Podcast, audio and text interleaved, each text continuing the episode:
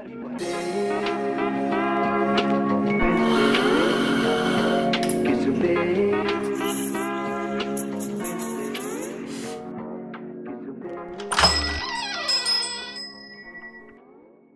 selamat datang di Bocah Trisa barengan gue Jimmy Bayu. Sekarang gue lagi jalan-jalan ke Kapuk.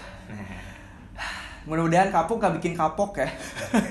Agak lumayan jauh, tapi gue effort banget ke sini karena ketemu sama pasti seorang yang spesial banget nih. Visual Kap, Mikael Jasin. Halo, halo. Apa kabar Mik by the way? Baik, baik, baik. Baik ya, baik. Gimana liburan? Liburan. Karena gue yakin eh seriusan Bres Komplit gak liburan Enggak, yo eh, keliling eh, Eropa tapi lebih buat jualan kopi sih di kan. Iya, jadi nggak nggak sempat liburan. Gak sempet liburan. Nggak sempet liburan. Ehm, tapi take a break ada lah ya. Tapi nggak nggak akan mungkin bisa lepas dari kopi sama sekali. Segi ya sedikit break ada tapi semuanya ya karena satu trip itu kemarin kan buat buat kopi jadi ya selalu ada hubungannya sama kopi lah. Iya iya iya Ya. iya iya. iya. Dan sekarang ini lagi nyiapin buat nextnya. Eh ya ada beberapa maksudnya project yang emang antara ketunda gara-gara WBC apa yang emang harus kita jalanin karena udah ngikutin schedule-nya jadi ya tinggal siapin buat yang itu. Hmm. Oke oke oke. Nah sekarang kita ngomongin soal kompetisinya di kompetisi yang kemarin ya eh, seperti yang kita semua tahu. em, lu cuma sampai semifinal tapi eh, ada menurut gue ya nyesek momen gitu yang pertama ketika kalau nggak salah waktu babak eh, pertama lu ada di tiga besar ya Hmm. dan di semifinal itu lu ada di peringkat tujuh Hmm. peringkat tujuh gitu perasaan lu gimana waktu nerima hasil itu Oh, well, waktu semifinal announcement ke final kan gua nggak tahu gua peringkat 7 ya. ah ah, Jadi kan itu taunya kayak mungkin semingguan setelahnya gitu. ah, ah, ah. eh ya kecewa ada karena pastinya kita pengen pengen masuk final, pengen eh, lebih bagus dari tahun lalu. Mm. Terus juga em, apa ya kayak la- latihannya lebih lebih keras, jadi Mm. pengen hasilnya lebih bagus. ya ya Eh, terus juga pengen ngasih apa ya ngasih hasil yang terbaik buat petani-petani dan tim gue yang udah support Mhm. di em, di tahun ini gitu tapi eh, kan juga lagian juga baru tahunya juara eh juara tiga peringkat ketiga di hari pertama itu kan pas barengan sama yang Oh, tahu peringkat tujuh ya oke, karena tahun ini nggak ada live scoring tahun Oke, ini oke. Baru tahunya barengan gitu. Jadi em, ya kalau kalau dari ini sih secara skor hari pertama itu selalu nggak pernah bisa dijadiin patokan Mhm. karena panel jurinya banyak biasanya. Panel jurinya banyak. Jadi secara palette biasanya mereka nggak sekalibrasi si em, di panel semifinal atau panel final kalau final cuma satu biasa panelnya kan oh oke jadi orang yang ngejuri ngejuri semua kompetitor kalau Mhm. hari pertama biasanya belum tentu gitu kan ah Terus hari pertama ada technical score, semifinal nggak ada technical score. Mhm. Makanya kalau dilihat uh, skornya turun semua. Jadi Mhm. barista-barista yang technicalnya bagus, uh, biasanya di hari pertama skornya bakal jauh lebih tinggi dibanding yang barista yang technical skornya jelek. ah Karena kebantu ya Ya ada ada ada skor yang yang lain lah gitu. Oke oke. Nah em, sekarang kita runut dulu dari masa persiapan kali ya ketika kompetisi gitu. Kalau dibandingin di sama yang di Boston, itu persiapannya sama nggak untuk range waktunya? Kalau nggak salah sekitar 90 hari ya yang untuk si. Milan ini. Kalau ini dia announce itu bulan Juli, uh, ininya kan Oktober jadi sekitar 90-an, 97 hari kalau nggak salah. Mhm. Eh, kalau Boston cuma 8 minggu dari national ke eh, WBC. Tapi bedanya adalah waktu Boston eh, regional Indonesia itu dari bulan November 2018 WBC-nya April 2019. Hmm. Jadi sebenarnya Udah persiapannya 6 bulan gitu, Ya, ya. bukan bukan cuma 8 minggu ya karena di selama dari November ke nasional nasional ke WBC kan selalu selalu latihan terus gitu jadi walaupun kesannya cuma 8 minggu tapi ada persiapan Mhm. beberapa bulan sebelumnya kalau yang ini setelah eh, orang-orang nggak terlalu mikirin kompetisi kan gara-gara covid tiba-tiba diumumin barulah buru-buru Ah, kopi iya iya iya. habis itu latihan lagi gitu. Berarti perbedaannya ada di situ ya ketika Ya, di ya. tahu di Boston kemarin kan lu masih ada ya kasarnya semangat untuk terus gitu beres udah jadi uh, juara ketika di Indonesia gitu. Hmm. Ketika yang tahun ini karena ada masa jeda itu, akhirnya lu baru ngegas lagi ketika di announce itu. Ya, ya, karena kan maksudnya banyak kerjaan yang lain gitu kan, jadi nggak Mhm. bisa mikirin kompetisi doang. Udah Ah, gitu, em, udah diundur berapa kali nggak tahu dari Melbourne, Melbourne-nya diundur tanggalnya, terus diundur tanggalnya lagi, terus ganti ke Athens, Athens diundur, Hmm. Ya. habis itu di cancel. Jadi sebagai kompetitor kita udah kayak ya udahlah, udah nggak usah mikirin lagi, lu mikirin yang lain gitu ya.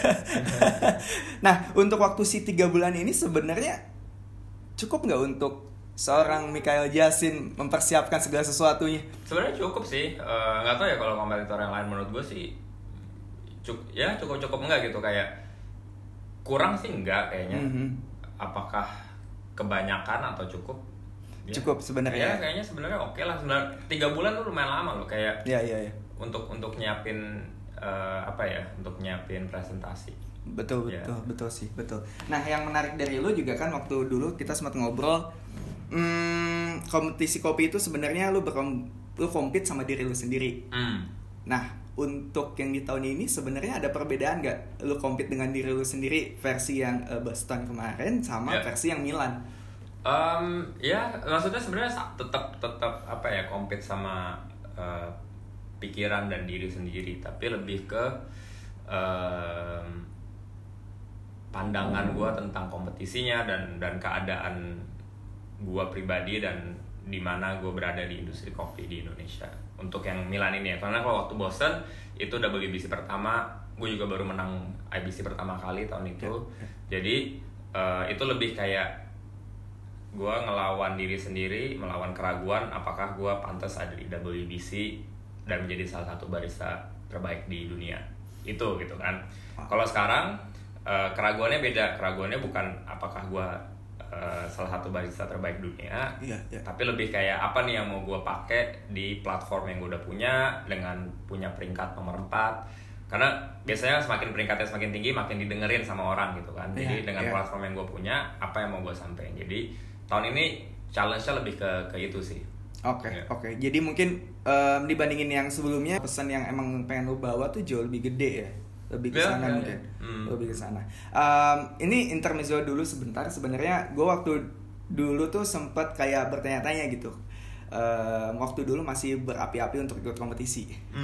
Kenapa ya kok nggak ada maksudnya perwakilan Indonesia yang eh, maju ke level dunia gitu dan bawa kopi kita gitu. Gitu Hmm. waktu itu gue ngobrolnya sama bos gue Joseph Erwin Iya.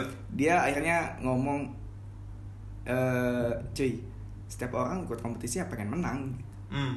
kayak itu menurut Iya, gue iya. cukup mewakili saat itu gitu Iya. dan waktu kemarin gue lihat eh, lu compete di sana dan dengan bawa kopi Indonesia untuk full set menurut gue ya satu sisi ya gue berterima kasih akan itu ternyata pertanyaan gue yang waktu dulu terjawab sekarang gitu dan dibawa sama Hmm. lu gitu perasaan lu ketika pada akhirnya bawa kopi Indonesia di panggung dunia gitu gimana perasaannya Mik? Hmm, sebenarnya kalau yang bawa kopi Indo udah pernah ada. Yang seingat gue Yoshi tahun 2014 di Hmm. Mini pakai Toraja Ah. full.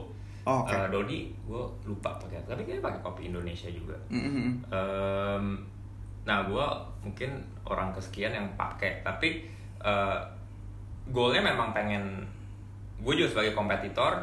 Gue gue topinya banyak nih ada ada Mikael sebagai kompetitor, Mhm. ada Mikael sebagai eh, foundernya So So Good Coffee Company, yang. Mentor Coffee Company yang baru, ada Mikael sebagai kompartemen edukasi SCAI, Oke. ada gue secara pribadi ya kan banyak gitu.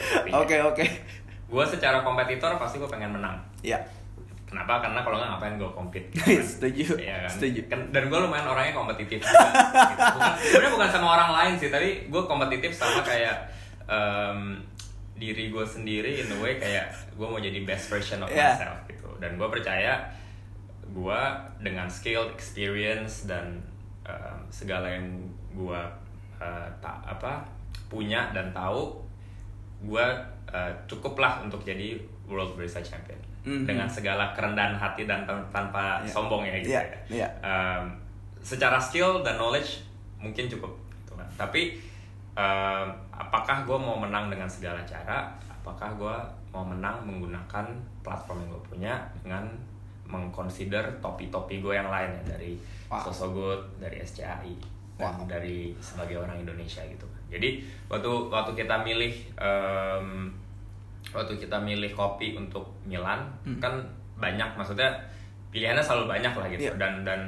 em, biasanya petani-petani dari luar negeri dari dalam negeri kan suka nitipin ke barista-barista champion eh pakai dong kopi gue pakai dong Ah, jadi ah. jadi sebenarnya banyak optionnya gitu kan Eh, tapi gue mikir waktu itu kayak yes gue mau menang dan gue mau peringkatnya lebih bagus dari empat tapi dengan cara apa gitu kan kebetulan waktu itu jawabannya sebenarnya sampai sekarang kayak gue mau menang dengan menggunakan kopi Indonesia jadi kemauan gue untuk pakai kopi Indonesia lebih besar daripada kemau kemauan gue untuk Menang. seked- sekedar menang doang Wah. apakah kopi itu kompetitif apa enggak kan kita tetap harus objektif ya Ya. jadi gue cuman waktu itu eh, waktu dikasih tahu bulan Juli gue kasih cut off sampai bulan Agustus tanggal 20 apa tanggal berapa lah pokoknya kemarin di Oh, 2020 dihitung-hitung ya? pokoknya di dihitung-hitung masih ada dua bulan untuk WBC gitu kan Mhm. nah gue cut off di Agustus itu misi gue adalah dari bulan Juli sampai Agustus cari kopi Indonesia yang em, kompetitif dibandingkan kopi-kopi lain nggak harus paling enak sedunia Mhm. tapi kompetitif Sorry, itu 2020 apa 21? Eh 21 sorry. Oh, 21, Iya, oke. iya. Eh, Agustus 2021. Jadi waktu eh, diumumin WBC itu em, itu goal gua. Kalau nggak ketemu ya gua nggak pakai kopi Indonesia atau mungkin pakainya Ah, di Sickbay. Pokoknya kayak tahun-tahun sebelumnya di Iya. Boston kan eh, Indonesian coffee-nya cuma satu. Terus Mhm. gua Indonesian Barista Championship 2020. Hmm. Indonesian coffee-nya dua course, yang satunya Ethiopia gitu kan. Mhm. Nah, gua itu backup plan-nya lah. Mhm. Nah, kebetulan di Agustus ini ketemu kopi yang kita proses sendiri dari Manggarai Mhm. yang menurut gua kompetitif. Secara skor juga nggak tinggi-tinggi banget tapi juga nggak rendah. Jadi secara logik, secara objektif eh, tick the box. Obviously secara subjektif ya itu kita peng emang pengen mau bawa kopi Indonesia kan. Jadi eh, ya udah dari kita mutusin itu ya udah latihan eh, latihannya sih dari Juli. Cuma latihannya di segimana cara supaya sebaik mungkin menggunakan kopi yang memang bukan paling enak sedunia Mhm. tapi kompetitif enough ya udah kita lihat aja sejauh apa nyampe nya gitu kan. Iya, iya, si- iya. secara peringkat ya secara peringkat kompetisi. Gitu. Um, momen di mana ketika lu pada akhirnya eh, punya pemikiran itu tadi Eh, lu nggak pengen cuman sekedar menang tapi lu juga pengen eh, menang dengan ya itu menyatukan segala topi yang lu punya gitu. Momennya itu adalah ketika lu dapet di em, IBC yang terakhir kah? Atau misalkan waktu dapat juara 4 WBC yang di Boston kemarin kah nggak nggak nggak tahu ya mungkin itu pro- progresif kayaknya karena Hmm. kan 2019 eh gue menang Hmm. eh menang maksudnya menang tapi itu ke. Boston juara Hmm. 4 dan dan gue dapat platform yang gede untuk nyampein apa pun yang gue mau sampein gitu ya secara kopi gitu kan Ya. dan kebetulan karena eh, makin serius kerja bareng teman-teman petani di Indonesia. Dan bahkan gue selama mungkin dari tahun 2019 eh ya dari awal 2020 deh. Iya iya. Sampai 2021 ini gue jarang banget ngobrol sama petani luar yang ngobrol karena teman tapi nggak ngobrolin kopinya. Ah Em, atau bahkan minum kopi luar negeri aja gue nggak terlalu sering gitu kan. Wow. Ya karena ya fokus kita di Indonesia jadi apa pun Iya, iya. yang kita cobain ya kopi Indonesia kebanyakan kopi yang diproses sendiri cari di mana harus diimprove gitu jadi itu building up ke eh, apa ya secara self belief gue juga kayak oh ya kayaknya emang kita harus eh, benerin kopi sendiri gitu kan Wow. terus juga ya karena So So Good Coffee Company jualannya kopi Indonesia Mhm. ini eh, kopi kita kan banyak yang Mhm. harus harus di harus dijual juga gitu kan Mhm. jadi itu satu. Kedua eh, habis itu eh, yang ketiga juga kayak em, kalau misalnya waktu ini cara pemikiran gue yang nggak tahu benar apa salah.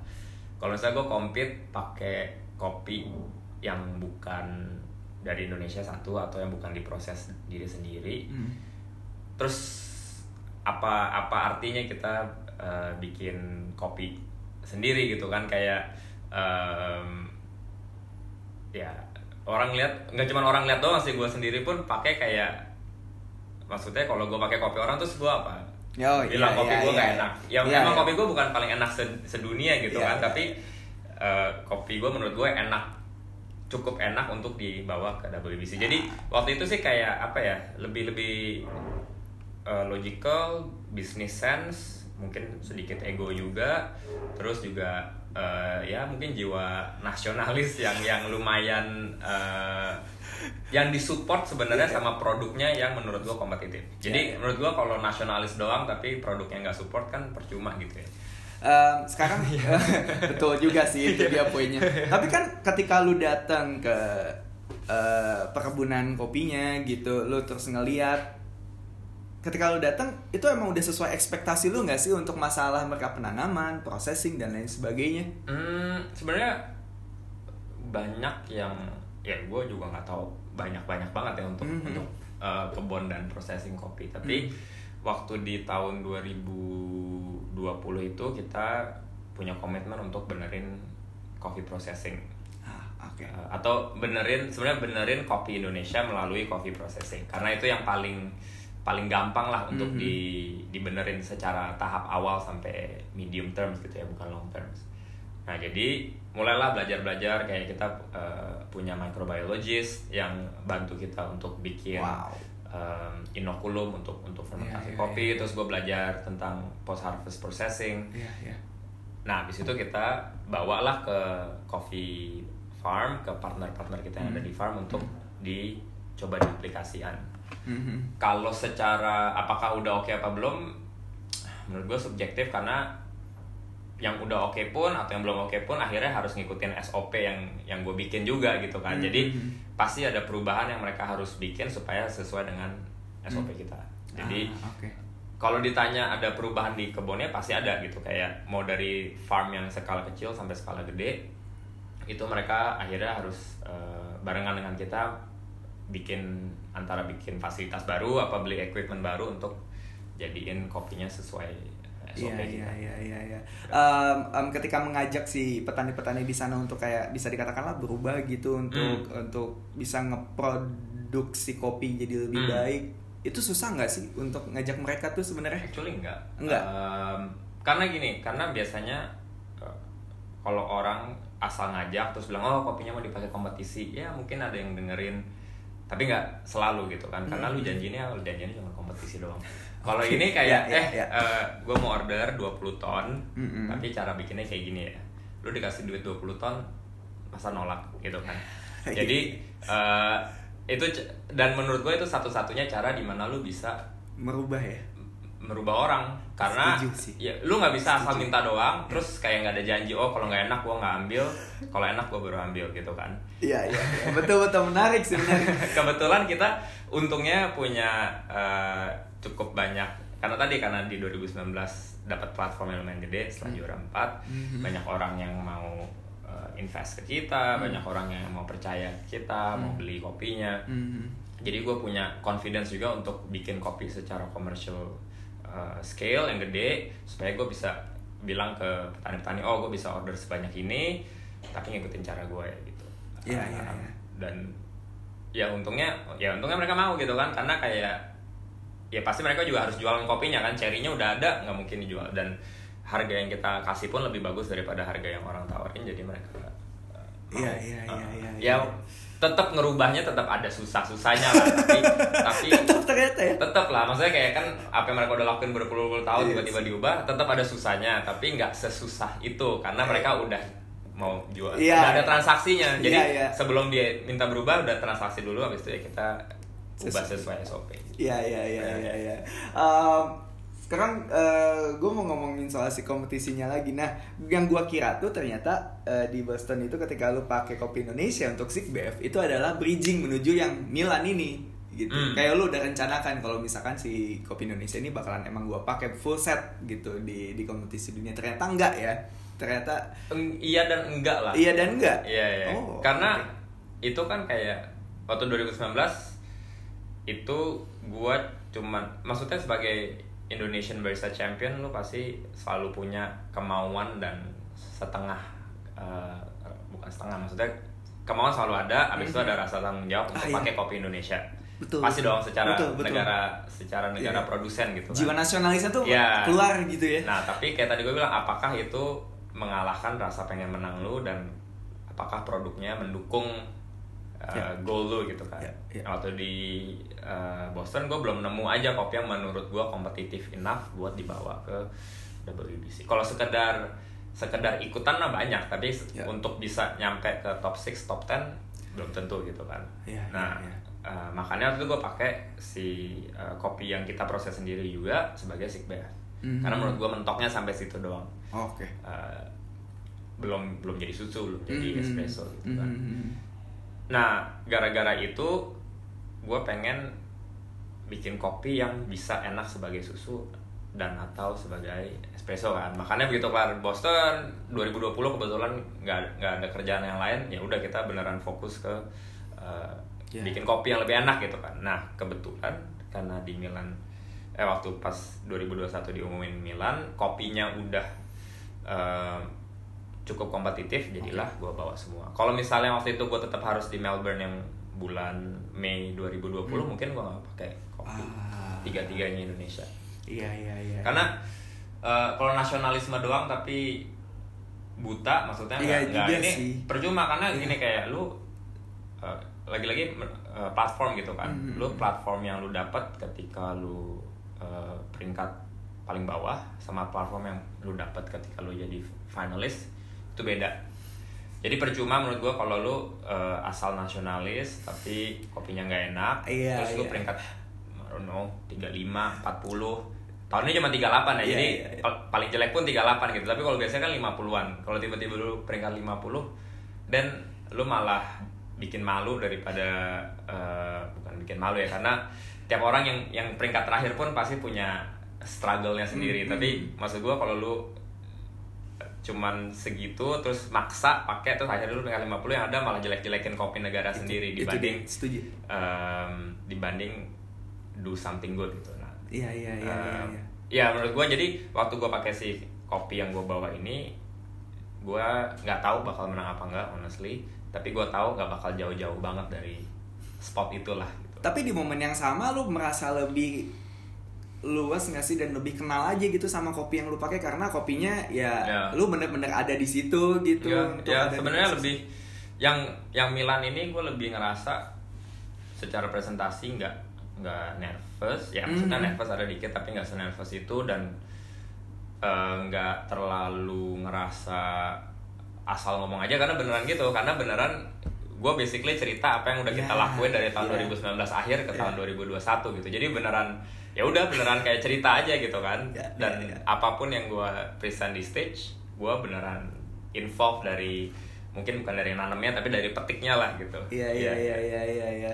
Em, sekarang katakanlah gue bertanya dari sisi orang atau sisi barista yang emang mm, belum pernah ikut kompetisi tapi tertarik untuk ikut kompetisi.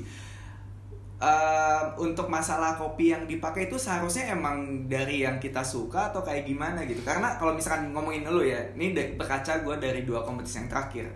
Em, lu selalu bawa fermentasi atau eh, ya selalu bawa fermentasi yang dulu CM terus Hmm. yang anaerobik ya kan? Hmm. apakah emang harus selalu yang kita suka apa nggak juga yang penting skornya itu oke tergantung goalnya sih kalau goalnya pengen menang ya yang bagus menurut score sheet bukan Oke. kita suka bukan juri suka tapi yang sesuai dengan score sheetnya oke score sheetnya ganti-ganti tuh Eh, waktu tahun di Milan ini baru pertama kali dia setelah score sheet yang baru oke di dirubah lah Ah. eh, cara penilaian espressonya.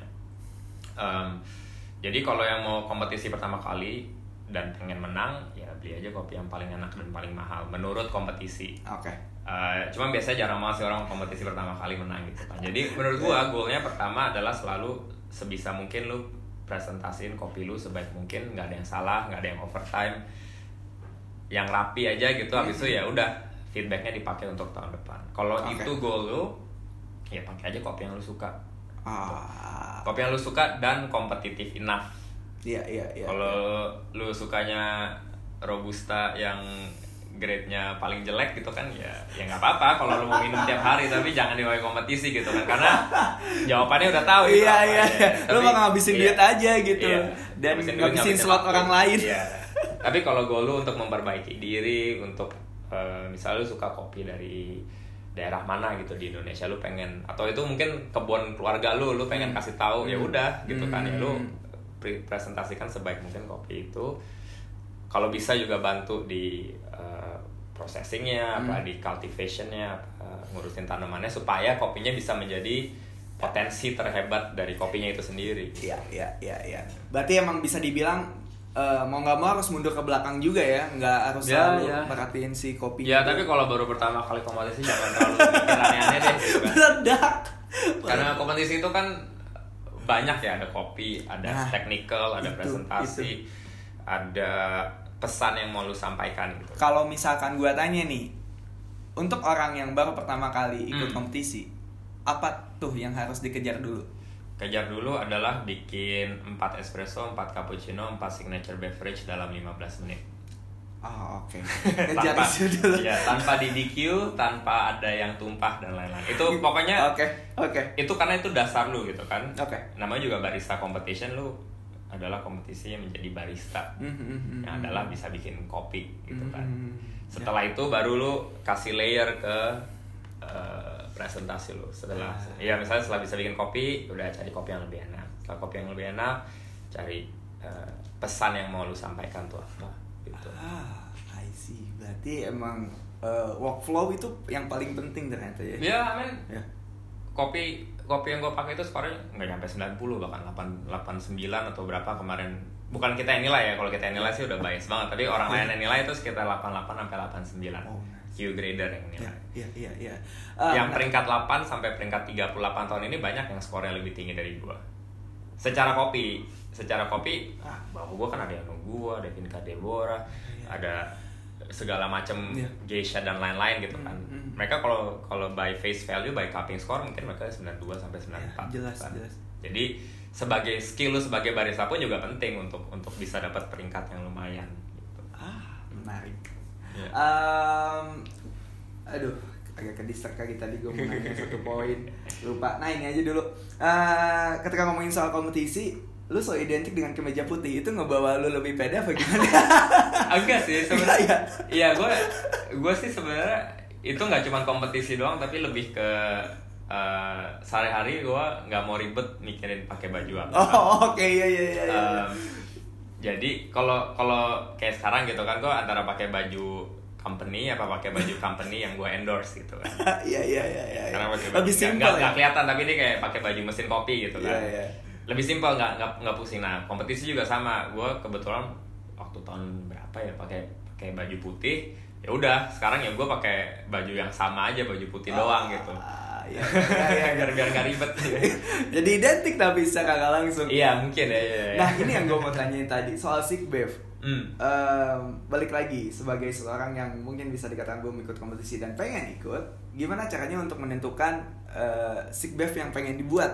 Hmm. Itu kan kadang bingung ya gitu. Dan Yeah, lu yeah. tuh kok bisa gitu menurut gua kayak campur ini, campur ini, campur ini. Kepikirannya mulai dari mana gitu. Apakah nyobain satu-satu atau udah kayak di breakdown untuk si flavornya gitu. Hmm, sebenarnya kalau sick bev, kalau secara rules kan harus ada sinergi dan harus espresso dominan. Itu yang dua paling paling gede lah. Hmm. Espresso dominan supaya tetap rasa kopi. Mhm. Sinergi itu dia adalah mempunyai secara apa ya, secara karakteristik positif dari ingredients-ingredients yang lu campur menjadi satu. Kalau dicampur rasanya harus lebih enak dibandingkan kalau lu minum dia sendiri-sendiri. Mhm. Gitu kan. Itu sinergi. Tapi juga sinergi dengan apa yang lu omongin. Oh, Oke. Jadi sinerginya ada dua, sinergi secara rasa Mhm. dan juga sinergi secara konsep. Hmm. Eh, biasanya tergantung presentasi lu tahun itu, tapi kalau baru mulai itu cari aja dulu yang rasanya enak dan masih berasa kopinya. Oke. Jadi bukan berarti kalau kopi lu rasanya misalnya orange sama apa ya orange sama kakao nips gitu kan bukan berarti lu harus tambahin orange tambahin kakao nips karena ngapain lu cuman Ah. cuman nambahin yang udah ada di espresso lu Iya. misalnya lu ada orange ada kakao nips kan ini asam sama pahit misal lu tambahin apa yang manis supaya ada balance antara manis asam pahit gitu kan misalnya itu dari ingredients apalah terserah gitu Mhm. kalau rasanya enak skornya udah lumayan bagus. Kalau rasanya enak dan juga somehow nyambung sama uh, presentasi yang lo omongin biasanya skornya lebih bagus lagi. Hmm. misalnya lo presentasinya ngomongin tentang sweetness. Dari awal nih dari espresso sampai milk course lu ngomongin oh supaya lebih manis. Kopinya di roast sedemikian rupa di ekstrak sedemikian rupa susunya pakai susu ini supaya lebih manis. Nah begitu signature beverage ya lu konsepnya tetap sama nih apa nih supaya signature beverage gue manisnya pas gue pakai ini ini ini campur kopi campur ingredients kalau nyambung eh, dan rasanya enak ya skornya bagus gitu. Kalau rasanya enak tapi nggak nyambung biasanya nggak bisa setinggi itu juga. Atau nyambung tapi rasanya nggak enak juga nggak bisa setinggi itu. Ah, iya Gitu. juga, iya iya. Nah untuk si Sick Bev sendiri yang lu buat kemarin itu prosesnya berapa lama tuh Mik untuk the flop? Wah itu lama banget. Itu eh, karena kalau kalau gue kebalik gitu karena gue mau pakai sig- signature beverage itu sebagai eh, pengenalan konsep gue Oh, Oke. untuk akhirnya jadi espresso gitu kan. Ah. Jadi apa sih yang kita lakuin di Wow. di company kita untuk bikin kopi yang enak? Ya mela- melalui uh, kita yang paling membedakan kita adalah inokulasinya. Jadi kita pakai bakteria, pakai uh, jamur, pakai um, ragi gitu kan Oke. untuk mengubah rasa kopi kita. Dan juga proses pengeringan dan lain-lain Iya, iya. gitulah. Nah, Iya. jadi uh, makanya kemarin gue ngomongin microbiome, ngomongin Iya. fungi, ngomongin yeast.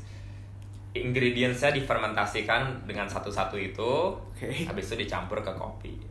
Karena waktu kita bikin kopi juga gitu kan, kita pakai misalnya bakterianya Bacillus, habis itu ada Klebsiella, ada Tivia. Dengan takaran yang beda-beda, kita semprot ke kopinya sebelum difermentasi dan dikeringin. Iya, iya, iya, iya. Jadi secara konsep emang emang nyambung gitu. Makanya lumayan lama karena em, bikin konsep aja lama. Terus R&D minumannya lama banget untuk untuk dapetin yang yang pas gitu. Menurut gua konsepnya kuat banget sih karena nyambung dari espresso sama Ya Sick nilainya Bev. bagus kok. Eh, nilai si, si- Iya. bagian signature beverage-nya ya bagus banget. Mungkin paling bagus yang pernah gue terima selama gue kompetisi. Nah, makanya itu dia untuk the flopnya tuh gue yakin berapa gelas itu mungkin. oh kalau gelas banyak tapi kalau secara konsep cepet karena Iya, kayak iya, iya, "Oh, ya iya. udah gue ngomongin yang gue lakuin aja di kerjaan gitu ya tapi kalau secara gelas waduh udah gitu karena lo kan kan kita fermentasinya menggunakan bakterinya sendiri-sendiri gitu baru Iya. dicampur kan Iya. kadang-kadang secara teori masuk akal tapi begitu dicampur bakteri ini ternyata nggak suka sama bakteri ini ntar byproductnya apa jadi aneh gitu kan Iya, iya, iya. iya. bakteri ini campur ragi ini dicampur ternyata ada byproductnya lagi karena kan Wow. kalau fermentasi kan hidup terus gitu ya Iya, iya. Iya, jadi Pernah ada momen eh, di di dalam perut ada sesuatu yang Enggak aneh sih, gak gitu enggak, enggak. karena Nggak, semuanya uh, uh, food safe, food grade. Hmm. Jadi Hmm. kalau secara perut sih enggak, tapi kalau secara stres sih banyak ya. Ah gila, gue aja dengerinnya capek sendiri nih. tapi emang kebayang sih secara konsep emang kuat tapi eksekusinya ya emang harus benar-benar dipikirin secara mateng ya. Iya. Praktekin Eh. secara mateng.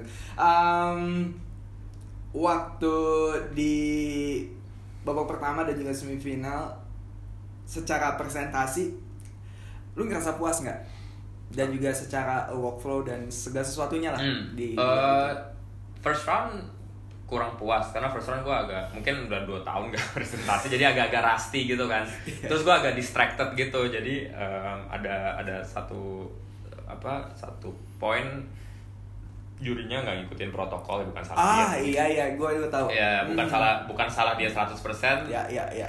Eh, salah gue juga nggak nggak terlalu jelas untuk untuk Yang- kasih protokolnya waktu milk kan ya? ya jadi waktu susu nah tapi gara-gara itu gue distracted padahal musuhnya sebagai kompetitor lu nggak boleh distracted Oke, oke. nah karena gue distracted jadi kayak ngomongnya agak kelibet-libet Ah. Jadi waktu gue selesai terus satu pengumuman mau ke semifinal gue stres banget karena stresnya bukan karena gue takut nggak lolos tapi lebih karena kayak kalau gue nggak lolos itu gue tahu salah gue Iya iya iya iya Iya, iya iya. betul. jadi betul. oh itu stres banget tapi waktu semifinal sebenarnya semuanya berjalan dengan dengan cukup lancar Hmm. lumayan lancar banget ada gue ketinggalan sendok satu tapi akhirnya gue kasih ke jurinya jadi aman-aman aja Mhm. Eh, dan secara presentasi itu gue paling lepas selama gue kompetisi kayaknya. Nggak Ya, ya. nggak nervous. Di semifinal gue jauh lebih menikmati sih. Iya kayak nerv nervousnya bukan nervous karena gue takut atau apa tapi lebih ya nervous biasa mau masuk stage. Biasanya gue nervous takut ada yang salah Iya, takut iya. kopinya nggak enak takut apa. Kalau ini lebih kayak gue pengen nyampein pesan gue sebagus mungkin gitu kan. Karena sebagai kompetitor lu nggak pernah tahu gitu. Kadang-kadang kopi lu kopi paling enak sedunia pun ada aja yang bisa salah mesinnya Iya, iya. apalah ada yang tumpah lah gitu kan. Jadi sebagai kompetitor biasanya sebelum lu masuk stage ya lu udah mesti siap-siap nih. Kalau ini terakhir lu presentasi tahun ini ya udah. Lu harus tiap babak itu se- se- sebagus mungkin. Ya harus harus harus total gitu. Iya, Eh, iya, dan iya. waktu semifinal itu menurut gua udah mentok banget totalnya. Iya, iya. biasanya gua ada kayak aduh kurang ini kurang ini. Yang ini sih udah udah mentok udah nggak tahu lagi mau ngapain gitu. Iya. Impactnya setelah kompetisi ada nggak Mik? Secara langsung gitu yang Em, sebenarnya impactnya justru sebelum kompetisi impactnya se- setelah Boston paling gede menurut Ah, karena em, waktu gua bikin kopi di eh, di, di kebun-kebun ini Hmm. kita kan bikin kopinya nggak cuma buat kompetisi tapi menggunakan platform kompetisi untuk di apa ya di snowballin ke em, bisnis Mhm. ke, ke bisnis kita karena kompetisi mahal dan kalau kompetisi doang nggak ada menang menang WBC pun nggak dapet duit gitu kan Iya. ya jadi Iya. lu harus harus gimana caranya supaya bisnis lu jalan Iya. dengan kita itu supaya bisnisnya jalan mau nggak mau harus bikin kopi yang banyak Mhm. Uh, supaya satu bisa dapat harga yang lebih rendah bukan lebih rendah ya maksudnya kalau dihitung per kilo tetap lebih bagus tapi secara uh, produk bisa economics of scale lah gitu kan Oke. supaya harganya make sense nih karena kalau lu bikin kopi cuma 20 kilo doang buat kompetisi biasa harganya jadi naik banget kan Ya. untuk kita uh, gue sebelum bikin kopi gue punya komitmen kopi kita nggak boleh lebih mahal dari 15 dolar per kilo Oke. kopi yang gue pakai pun nggak nyampe 15 dolar per kilo Wow. Em, untuk kopi kompetisi itu murah banget kan. Iya, nah, caranya kita dapetin harga itu adalah produksi kopi yang banyak. Ah, iya betul betul. Nah, kena karena kita produksi kopinya banyak, kita harus beli cherry dari banyak petani. Mhm. Mhm. Dan eh, petani yang kita kerja bareng tahun 2021 ini ada 1169 kepala keluarga petani. Wow. Eh, banyak banget tuh. Wow. Jadi kalau seorang aja punya tiga di rumahnya berarti udah lima ribuan orang yang terdampak gitu kan. Jadi secara impact itu menurut gua impact yang paling gede. Kebetulan karena uh, di Milan uh, kita pakai Manggarai, di Manggarai ada 741 kepala keluarga. Nah, impactnya sih berasanya adalah si 741 keluarga ini dan teman-temannya yang lain di daerah Ya, lain ya, kayak ya. merasa mereka dikasih platform yang sama dengan yang gue pakai karena eh, yang ini ini berdasarkan apa ya cerita dari mereka yang mereka sampaikan ke gue atau ke Andre yang punya tuang kopi gitu kan Mhm. ya mereka merasa terwakili gitu dan menurut gue em, ya itu gue cukup apa ya cukup bangga dan cukup terharu dengan Iya, iya. dengan yang mereka merasa terwakili dan teman-teman lain yang bukan petani tapi orang-orang netizen netizen Indonesia yang yang very supportive gitu kayak kayaknya nggak ada yang ngomongin jelek tentang tentang kemarin gitu. Ya mungkin ada tapi nggak di Instagram aja. Tapi Wah, kalau ada sih kayak lu mau apa lagi Jet gitu loh. kalau kalau yang gue lihat sih kalau yang gue lihat sih semuanya baik sampai gue kayak itu yang bikin gue walaupun gue peringkatnya secara tanda kutip turun Hmm. gue merasa lebih puas dibanding gue di Boston tahun ini. Iya iya iya iya. secara Michael Jasin the competitor ya gue agak-agak agak-agak sakit dikit lah gitu peringkat turun. Tapi secara gue dengan topi yang lain ya. Gua bisa ngebayangin sini Iya, iya. pundak lu tuh kayak wah gila lu berat banget pundak lu cuy. Waktu mungkin presentasi ya kayak iya. uh, sebenarnya waktu presentasi sih enggak. Enggak ya? Karena beratnya itu waktu persiapannya gitu kan. Ah. Lu persiapan kalau lagi latihan iya iya. kopi nggak enak Eh, yang kadang-kadang bukan salah kopinya juga kan itu trial errornya banyak kan. Iya, iya. roasting extraction Mhm. air apa segala macam. Kalau lagi nggak enak tuh lu kayak aduh gila. Ini gimana gua ntar di Milan gitu kan? Selalu pikirannya gitu kayak six bath nggak enak. Ini gimana? Ntar di Milan dapat skor berapa? gitu kan. Iya, karena golnya gitu golnya bukan cuman asal ikutan doang tapi mau se ya Iya, kalau iya, gua golnya iya, jadi iya. eh, champion gitu kan. Iya, jadi kita selalu nanya ini cok pantas nggak jadi ini pantas nggak? Ini pantas nggak? gitu kan. Nah, jadi stresnya sih di situ. Waktu waktu udah nyampe di stage kalau lu mikirin gitu lu nangis Capek ya. nangis di di pojok lu gitu Gak jadi udah. nggak bisa lu nggak bisa kalau udah udah di sana udah nggak bisa mikirin Berarti tapi lagi. secara nggak langsung ya, em, si bebannya itu tuh malah jadi motivasi buat lu ya, nge-push diri lu supaya "Oh, iya, nggak iya. bisa nih gue nggak bisa buat ya coba lagi ya coba Iya, lagi selalu iya, kayak iya. gitu ya. Apalagi kan Miki yang seperti ya gue punya sebutan buat lu adalah 4 to 10 empat ke empat ke Oh, sepuluh. 4 to 10. Four to 10 karena identik banget kayaknya lo bangun jam 4 beres jam 10 Iya. menurut gua itu salah satu kebiasaan yang gila sih gitu. Iya. satu sisi juga gua appreciate dan bahkan itu nge-push diri gua juga buat ya gua pun harus bisa kayak dia gitu. Walaupun di bidang yang berbeda ya Iya, gitu. Walaupun di bidang yang berbeda. Nah pertanyaan gua adalah gimana caranya supaya bisa konsisten terus gitu ada momennya nggak di, di yang terakhir nih ya? Ada Hmm. momennya nggak? Lu bener-bener ah capek gitu. Terus kayak ya gitulah. Ya ada sih itu pasti lah maksudnya kayak itu normal kan namanya manusia Ya, pasti ya. capek pasti males. Eh, kalau gue untungnya eh, karena ada rasa takut dan rasa gue karena itu kan karena bebannya banyak nih. Kepercayaan orangnya banyak gitu kan Hmm. dipercayain ini dipercayain itu. Jadi gue nggak mau eh, kalau gue dalam tanda kutip gagal gue nggak mau disalahin oke jadi ya caranya adalah dengan usaha sampai mentok gitu kan. Oh, iya betul, Ya. betul, betul. Makanya bahkan gue kemarin bangunnya jam 3.45 udah bukan jam 4 lagi.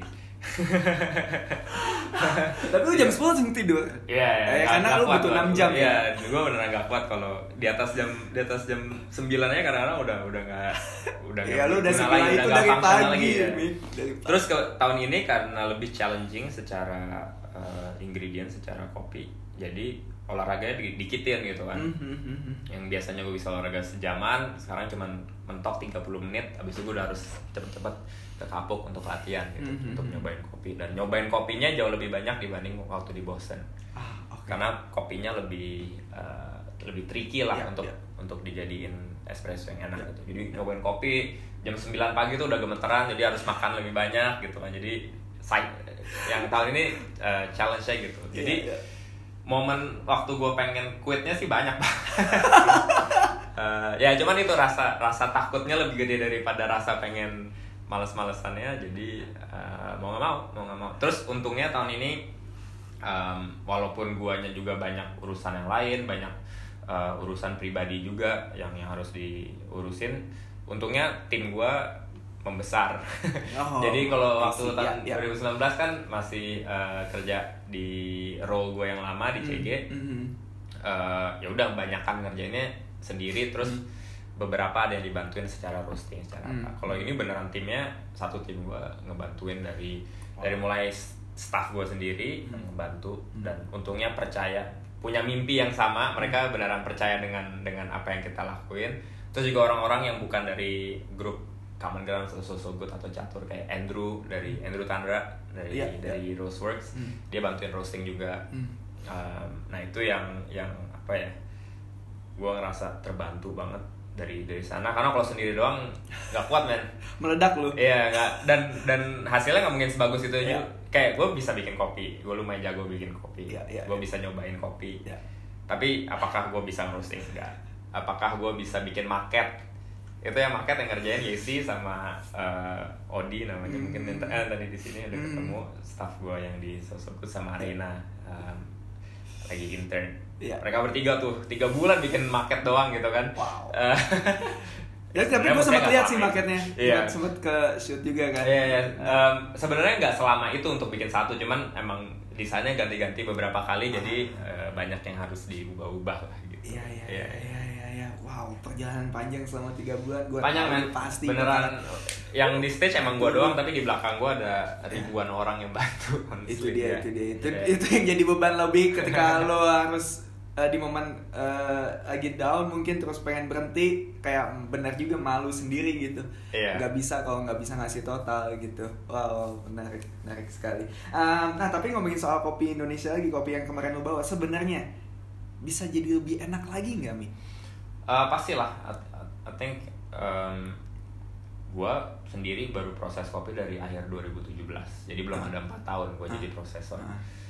Em, si Catur Collection sendiri yang kopi ini kopi ini kan dari Catur Collection Mhm. itu baru dua tahun baru Oke. 2020 sama 2021 jadi dibandingkan Immaculada yang kemarin menang mereka udah berapa generasi jadi petani ya kan Iya, terus betul, betul. eh, Esmeralda the Pearson family udah berapa generasi jadi kopi ya jadi secara processing sendiri masih banyak banget yang bisa dilakuin dan walaupun emang secara varietas pasti ada mentoknya Mhm. Uh, kayak kan ini kan Kartika gitu ya.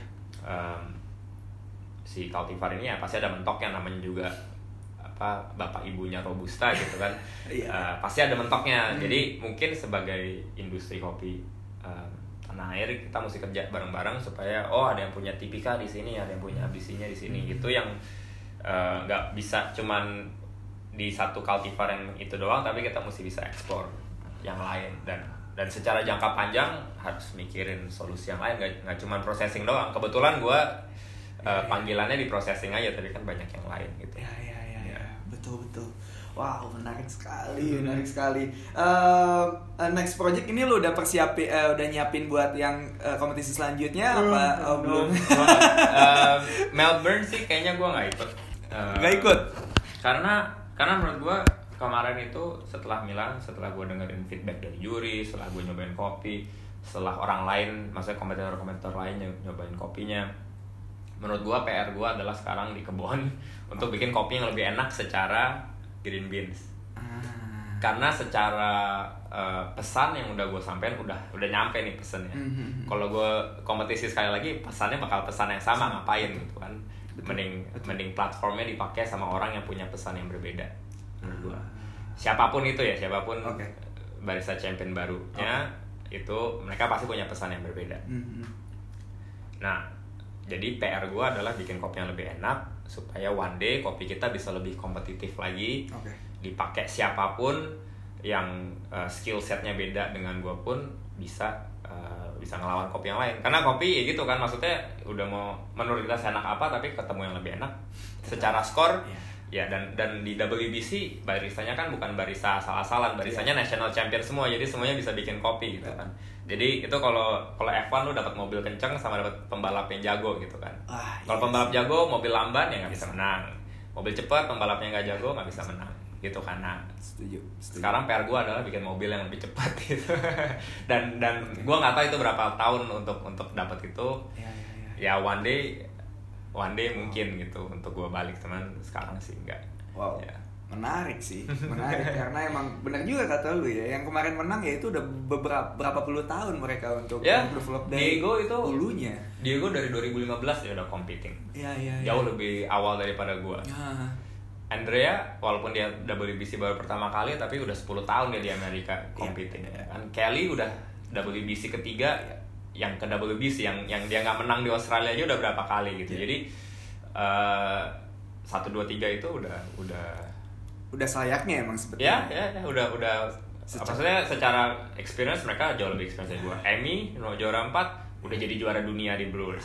Martin udah dari 2014 kompetisi yang Irish guy gua nggak terlalu Iya. kenal tapi pasti dia juga udah lama juga gitu Iya. kan kopinya juga Geisha Village jadi Ya.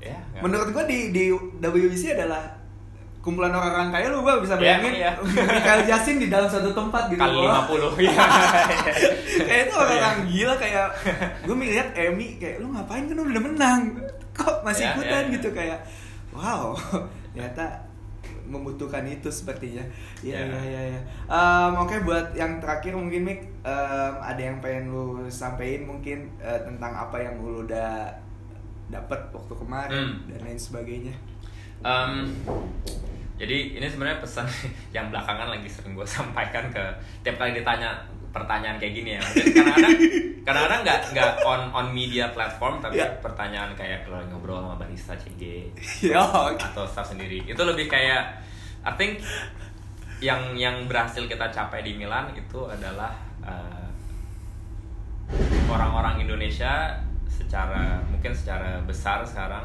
udah tahu bahwa kita adalah salah satu yang terbaik di dunia secara kopi, secara barista, secara roaster. Maksudnya secara industri kopi. gitu Ya, kan. ya. Kalau dulu kayaknya masih ada masih ada eh, doubts-nya gitu, masih ada kita pantas nggak sih? Sekarang lu udah tahu nih kita pantas.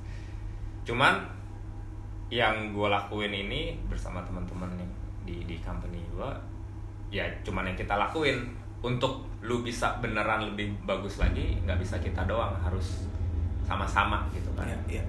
Kita kebetulan fokusnya di processing Mhm. mau processing sebagus apa tapi kalau di roast jelek juga Iya, nggak iya. bisa jadi mudah-mudahan teman-teman roaster lebih eh, punya komitmen yang sama punya obsesi yang sama supaya ntar jadi roasting kita jago banget terus teman-teman barista yang lain mungkin punya barista school training center itu bikin se- apa ya diproduksiin lah barista-barista baru yang kalibernya Iya, internasional iya, juga iya, gitu iya. kan terus teman-teman petani yang lihat bahwa oh di Manggarai bisa nih kopinya kayak gini atau di Kintamani apa di Jawa Tengah di Toraja di Sumatera yang kita ini. Mudah-mudahan teman-teman yang di hulu juga melihat bahwa kalau mereka eh, niat dan dan keras kepala dengan quality mereka bisa kopinya disandingkan dengan bisa ngalahin Geisha berapa Geisha yang dikalahin sama kopi kemarin kan? Iya gitu kan. Jadi em, supaya mereka juga juga bisa ngeliat ini apalagi ilmunya kita open source kok ilmunya Iya, kita iya, nggak iya. nggak tutup tutupin ilmunya literally di open source gitu kan lu bisa copy aja Iya. nah hopefully one day setelah semua orang mempunyai komitmen yang sama kayak kita Hmm. whoever the new barista champion is bisa bawa semuanya itu mewakilin semua dari kita untuk dapat placing yang lebih bagus dari nomor 7 Gak Wi. itu udah yang luar biasa menurut gue ada satu hal mungkin waktu itu wow wow. Menarik menarik sekali menarik sekali. Thank you thank you sekali Thank you. lagi. Thank you banget. Udah ngeluangin waktu buat sharing sharingnya juga. Sukses terus. Thank you thank you. Pastinya sehat-sehat Mik thanks man. Iya, cukup you. sekian bacotan untuk edisi kali ini. Sampai jumpa di bacotan selanjutnya. Bye.